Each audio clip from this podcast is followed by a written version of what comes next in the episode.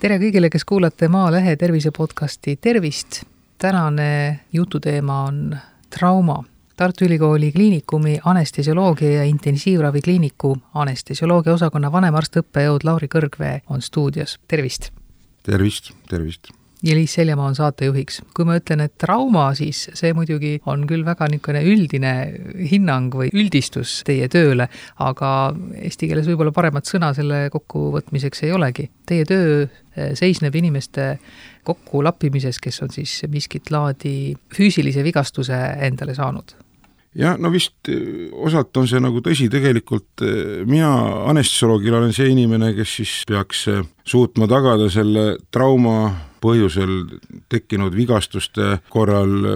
suutma säilitada nii-öelda inimese normaalse toimimise, ja, ja trauma on nii kompleksne teema, et, et see eeldab eh, terve nii-öelda meeskonna olemasolu ja, ja, ja mina olen üks osa siis sellest meeskonnast, aga jah, põhimõtteliselt küll, et meie pikem eesmärk on ikkagi suurte vigastuste ja traumade puhul säilitada haige terviklikkus ja, ja loota, et nad ikka õnneliku ja tervena pärast koju läheks ehk siis anestesioloogid hoolitsevad selle eest, et äh, kui kirurgid inimese kallal toimetavad, et siis inimene püsiks elus sellel ajal? jah, võib küll nii öelda, et kirurgidel oleks võimalikult äh, head tingimused toimetamiseks ja, ja patsiendi elu oleks hästi hoitud kogu selle tegevuse käigus. Teie enda kokkupuude traumadega pärineb nii eh, tsiviilelust kui militaarelust, et eh, mõlemad ilmselt on üsna intensiivsed, aga sisulised erinevused, kas on suured, noh ilmselt traumade ulatus võib-olla on küll pisut teisel skaalal seal militaarpoole peal? noh, tegelikult kui kogu see minu huvi trauma vastu, et see vist sõltub hästi palju inimestest, et ma ise oma olemuselt olen seda ka niisugune emotsionaalne ja, ja kiiret tegevust ja toimetamist eh, armastav inimene ja siis minu, minu huvi kogu selle traumakirurgia, traumaanestesioloogia vastu ja üldse erakorralise patsiendi vastu on põhimõtteliselt mul lapsest saati olnud ja ja mul oli väga selge teadmine, et kui ma arsti õppima lähen, et siis ma tahan just tegeleda selliste haigetega ja kogu tegevus on olnud ka sellesuunaline, et ma olen töötanud nii kiirabis kui haiglas ja just suunaga nendele erakorralistele ja traumapatsientidele. mis puudutab nüüd tsiviiltraumat ja, ja sõjaväetraumat, siis loomulikult on nad väga, väga erineva vigastustega on siis tegemist, et, et kui me räägime tsiviiltraumadest, siis me saame siin rääkida tömbist ja teravast traumast, teravad traumad, mis on tekkinud siis erinevate, noh, seal võib vägivald olla põhjuseks, erinevad torkevigastused, aga tömbid traumad, autoavariid, mingisugused olmetraumad, kui me räägime nüüd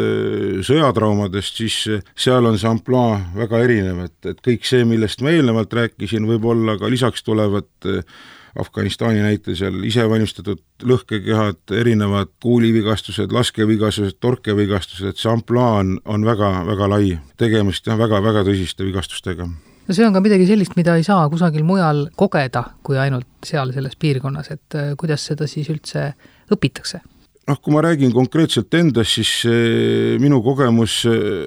on siis aastast kaks tuhat üksteist, kaksteist ja kaks tuhat neliteist Afganistanist, Camp Bastionist, eh, loomulikult me ei olnud keegi täiesti sada protsenti ette valmistatud, aga kuna me nii-öelda toimetame koos brittide ja ameeriklastega, siis nii palju kui võimalik oli, siis kogu see ettevalmistus oli ikkagi väga, väga detailne, et me eelnevalt viibisime päris mitmel korral, nii-öelda läbisime kõik spetsiifilised kursused selleks, et omada täit ülevaadet ülevaadet ja teoreetilist oskuste pagasit, et üldse oleks võimalik seal olla ja hakkama saada, et erinevad äh, traumakursused Inglismaal ja erinevad meeskonnaharjutused, äh, kus põhimõtteliselt kogu see haiglakeskkond, milles me viibisime, oli tehtud siis Yorki ja, ja me mängisime põhimõtteliselt mitme nädala jooksul läbi kogu seda toimetamist äh, nende raskete traumahaigetega, et need inimesed, kes toimetasid EMO-s, kuidas nende tööspetsiifika on, need inimesed, kes operatsiooniplokis, kuidas nende tööspetsiifika kuni nii-öelda haigla välisuksest kuni tavaosakonnani välja, et tegelikult see ettevalmistus ettevalmistus nii-öelda selleks sõjapiirkonda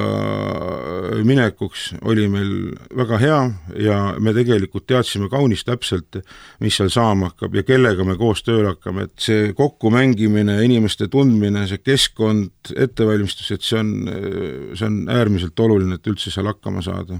kas see tähendab seda ka, et noh, ütleme, kui tegemist on niisuguse välja töötatud meetodiga, et vähemalt mis puudutab siis ütleme noh, lääne, lääneriike, võib-olla Suurbritanniat, Ameerika Ühendriike ja ja kohti, kus nemad nagu tegutsevad, et siis see on sarnane igal pool, et seda nii-öelda ühte sama mudelit kasutatakse igal pool ja,? jah, jah, et noh, hea näitena võib tuua sellesama ATLS-i, see on selline traumakursus, Advanced Trauma Life Support, et mida me Eestis juba mitmeid aastaid pakume oma, oma kolleegidele, et samad printsiibid on ka sõjapiirkonna traumakirurgidel, et nendel sellel ATLS-ile läheb küll väike B-täht ette, see tähendab siis battlefield, aga kõik see nii-öelda traumakeel, millest me kõne, kõneleme, et see on tegelikult väga sarnane ja me saame kõik ühtemoodi aru, kui me mingisuguste traumahaigetega toimetame. jah, absoluutselt, ja noh, me Eestis oleme juba jõudnud ka nii kaugele, et, et me oleme läbi viinud kakskümmend viis traumakoolitust, me oleme õpetanud eh, umbes kolmesadat kuutekümmet Eesti kolleegi, et need on need inimesed nüüd, kes tegelikult räägivad eh, ühes keeles, nad saavad asja, asjadest eh, samamoodi aru ja nad tegutsevad nende ATLS printsiipide järgi ja tänu sellele me oleme võimelised oma, oma oma patsientidele, oma traumahaigetele pakkuma parimat äh, abi no nimetasite juba aastaid, kui te olite siis Camp Bastionis Afganistanis, mitu missiooni sinna jääb sisse, kaks või kolm, olete mujal ka käinud? ma olen käinud Afganistanis kolmel korral, kaks tuhat üksteist, kaksteist ja kaks tuhat neliteist, kaks tuhat üksteist ja kaksteist me käisime nii-öelda täiskompleksse traumameeskonnaga, seal oli siis kirurg, üldkirurg, seal oli traumatoloog, seal oli siis anestesioloog, anestesist ja opiõde, et käisime kahel korral siis nii-öelda viieliikmelise meeskonnaga. Ja kaks tuhat neliteist siis äh, vähendatud vähendatud äh, versioonis, et siis mina anestesioloogina ja, ja siis üks EMO-arst, et need rotatsiooni pikkused olid esimestel kordadel siis kolm kuud ja, ja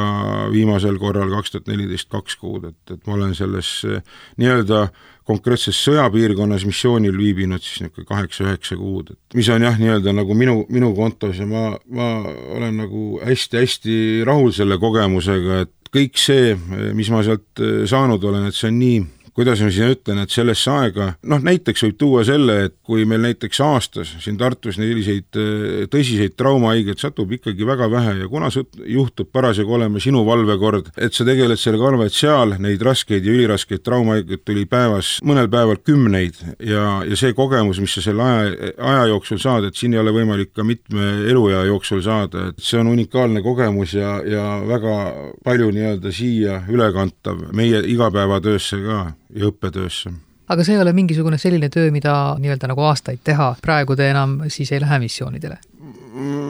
ma kindlasti ei ütle nii, et kui Eesti riik ütleb, et mind on vaja, siis ma kindlasti lähen, et minus see valmisolek minna on, on igapäevaselt olemas, et ja ma olen täiesti veendunud, et need, kellega ma koos käinud olen, et ka nemad lähevad, et siin ei ole üldse küsimust, et kui Eesti sõduritel on vaja eh, minna missioonidele kuhugi, siis Eesti arstid kindlasti ei ole viletsamad need käimised, et eh, mis, mis mina näiteks seal, seal Afganistanis teinud olen, et see kogemus on nii meeletu, et ma tean väga palju,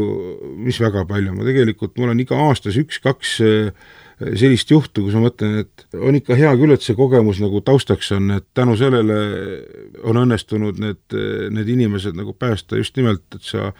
õigel ajahetkel suudad õigeid otsuseid teha tänu sellele kogemusele, et kui see kogemus oleks väiksem, siis, äh, siis seda ei oleks,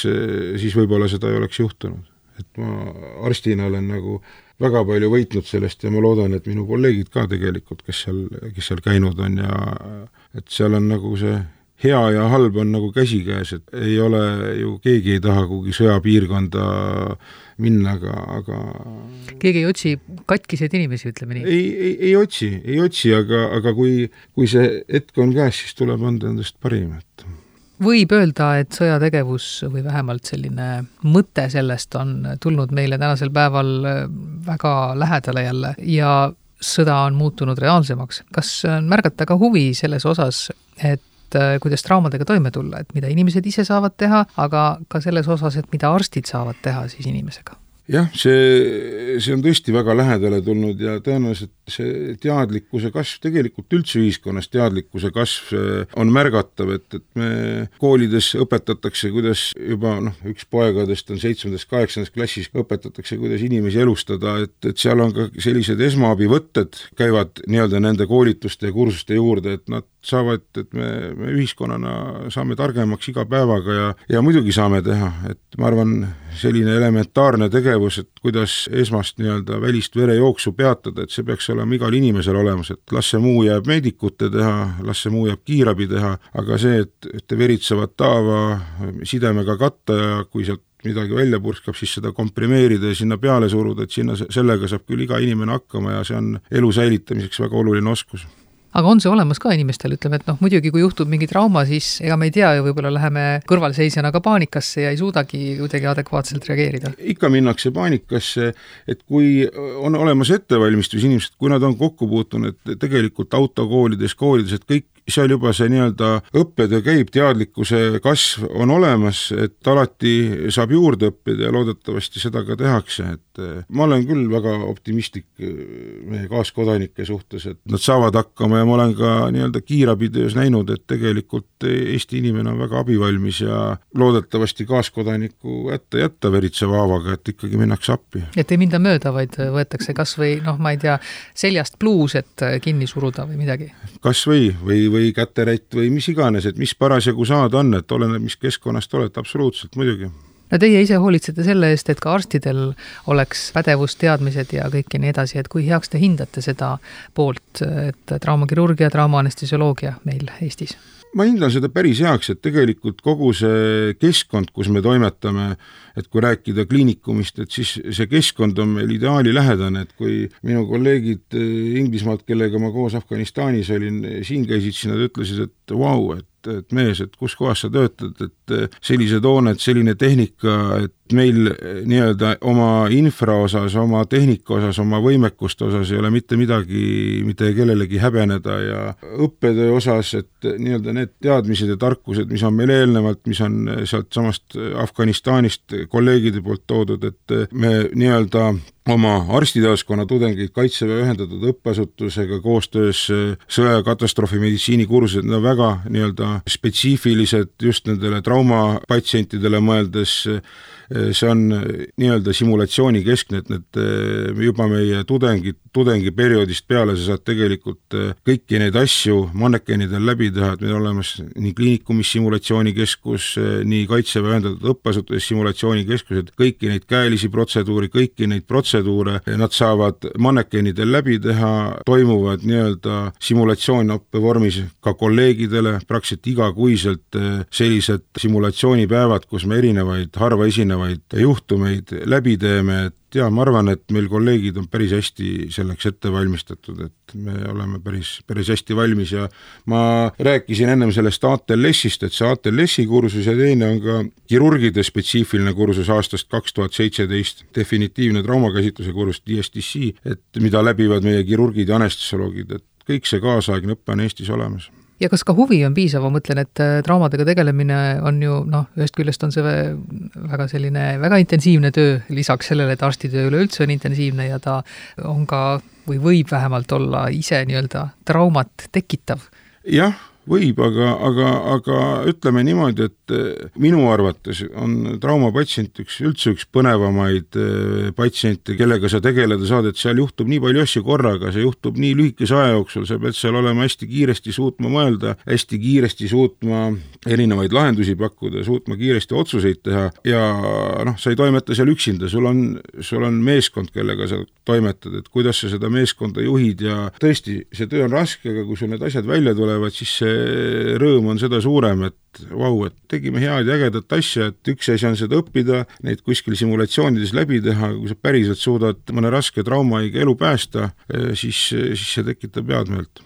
millised need kõige tavalisemad vigastused on, noh, te juba olmetraumade puhul ütleme, sellise üldistuse tõite, eks ole, et kas on lõike või, või tömpvigastused? kas mingisugused teravad traumad või tömbid traumad, et eh, jah, no ega need laias laastus jagunevadki kaheks, et eh, on igasuguseid, noh, enamasti kukkumised, mingisugused avariid, vägivallaga seotud juhtumid, et siis seal, seal all on siis laskevigastused või, või, või lõike- või torkevigastused, et, et need oleks nagu need tsiviiltraumad aga on ka igasugust, et näiteks seesama juhtum meil Tartus, kus toimus gaasiplahvatus, kus oli ka tegelikult palju kannatanud, et see oli jällegi oma tüübilt nii-öelda vigastus nii-öelda mõnele sõjapiirkonnas olevale traumale, et kus toimub plahvatus, vabaneb suune, suur energia, et, et jällegi võimalik kõikvõimalikud variandid? absoluutselt, absoluutselt kas äh, sellisel moel saab ka liigitada, ütleme, keha reaktsioone või et missugustest traumadest on kergem paraneda või see sõltub ikkagi pigem sellest kehast? See on päris hea küsimus, et eh, sõltub tõesti väga paljudest asjadest, et kui me räägime, et see käsitlus on eh, haigete puhul üks, siis inimesed on ikkagi väga erinevad, et meil on ju lapsed, eakad, on ülekaalulised inimesed, eh, nendel kõikidel on nii-öelda oma spetsiifikad, et ilmselgelt eakamal inimesel need ressursid ei pruugi olla nii suured, et kui me räägime sportlastest või lastest, siis nad peavad palju kauem mingisugustele ekstreemsematele olukordadele vastu, noored terved inimesed, et loomulikult on. Ja loomulikult sõltub see ka trauma ulatusest ja sellest, kui kiiresti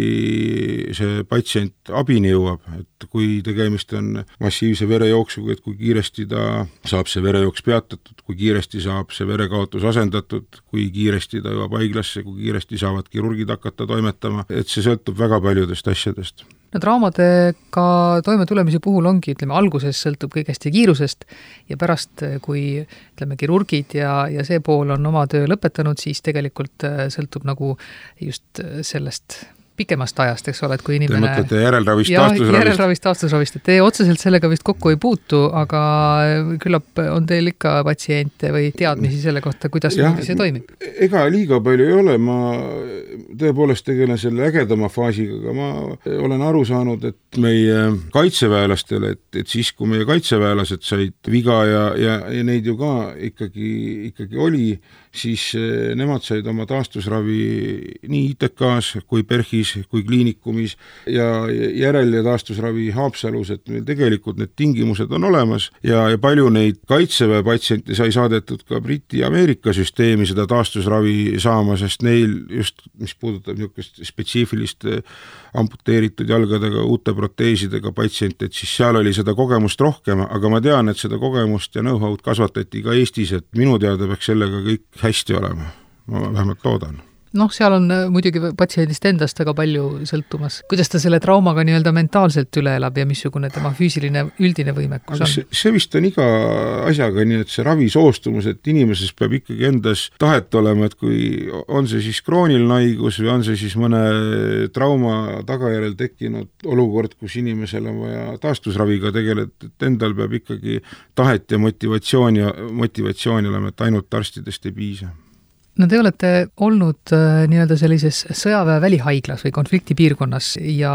töötanud seal traumapatsientidega, kui me võib-olla oleme mõnest sõjafilmist näinud, eriti mis puudutab niisugust vanema aja sõjafilme, et äh, sõjaväljal piltlikult öeldes on siis kuskil mingi telk püsti, kuhu tuuakse siis mehed sisse ja nendega siis toimetatakse, et äh, see muidugi tänasel päeval ei päde absoluutselt tõepoolest, et, et see Camp Estoni Rõul kolm haigla, mida britid juhtisid, oli ikkagi tollel hetkel ülimalt kaasaegne haigla, et, et kui ta väliselt, visuaalselt võib-olla nägi välja tagasihoidlik, siis kogu see võimekus, tehniline võimekus oli absoluutne maailmatase ja ka ressursside kättesaamise võimekus, et noh, näiteks need verepreparaadid, mida me kasutasime seal, mis olid eluliselt vajalikud eh, nendele kannatanutele, kes, eh, traumahaigetele, kes sinna haiglasse sattusid, meil ei tekkinud kordagi olukorda, kus meil ei oleks näiteks haigele verd kanda ja noh, me olime tegelikult Helmandi provintsi kõrbes, on ju, et see oli sinna kuidagi toodud, see oli seal kuidagi säilitatud, kogu nii-öelda röntgenvõimekus või kompuutrivõimekus või laboratoorne võimekus et see oli, see oli maailmatase ja, ja, ja noh, inimesed, et äh, inimesi oli seal palju, kirurge oli seal palju, et võis olla vabalt selline olukord, kus ühe patsiendiga ühel ja sama ajahetkel tegeleb korraga seitse-kaheksa kirurgi ja kaks anestesioloogi, kogu muu personal veel lisaks et eh, see olukord muidugi võis kardinaalselt muutuda, kui oli masskannatanute olukord, siis tegelikult eh, formeeriti väiksemad meeskonnad ja võis saada ka radioloogist või tööl olevast hambaarstist traumameeskonna juht või traumapatsiendiga käsitlev arst, aga kuna ta oli läbinud eelnevalt need kursused, siis selle, needsamad ATLS-i kursused, ta oli võimeline ka tegelema nende haigetega, et eh, jaa. Igal pool see muidugi ka täna sõjakolletes ei ole nii hea, et see oli nagu üks selline näide, aga noh, ei ole need arstid seal põllu peal tänasel päeval küll mitte kuskil vist? Jah, no ma loodan, et ei ole, et kuigi noh, meil endal see, enda need nii-öelda välihaiglad, et tegelikult need on ülimalt moodsad, et need on niisugused konte-, Eestis, mis puudutab, meil on sellised konteinervälihaiglad, mida muide me saatsime ka koostöös sakslastega Ukrainasse, siis need väli, välihaiglad on väga moodsad, need koosnevad konteineritest, telkidest ja kui sa sinna ruumi sisse lähed, siis sa ei saa küll kuidagi aru, et sa tõepoolest oled kuskil, kuskil välitingimustes, see on ruum nagu ruum ikka ja tehnika nagu tehnika ikka, et ta lihtsalt on väiksem, kompaktsem, kiiresti liigutatav, teisaldatav, aga täpselt samaväärne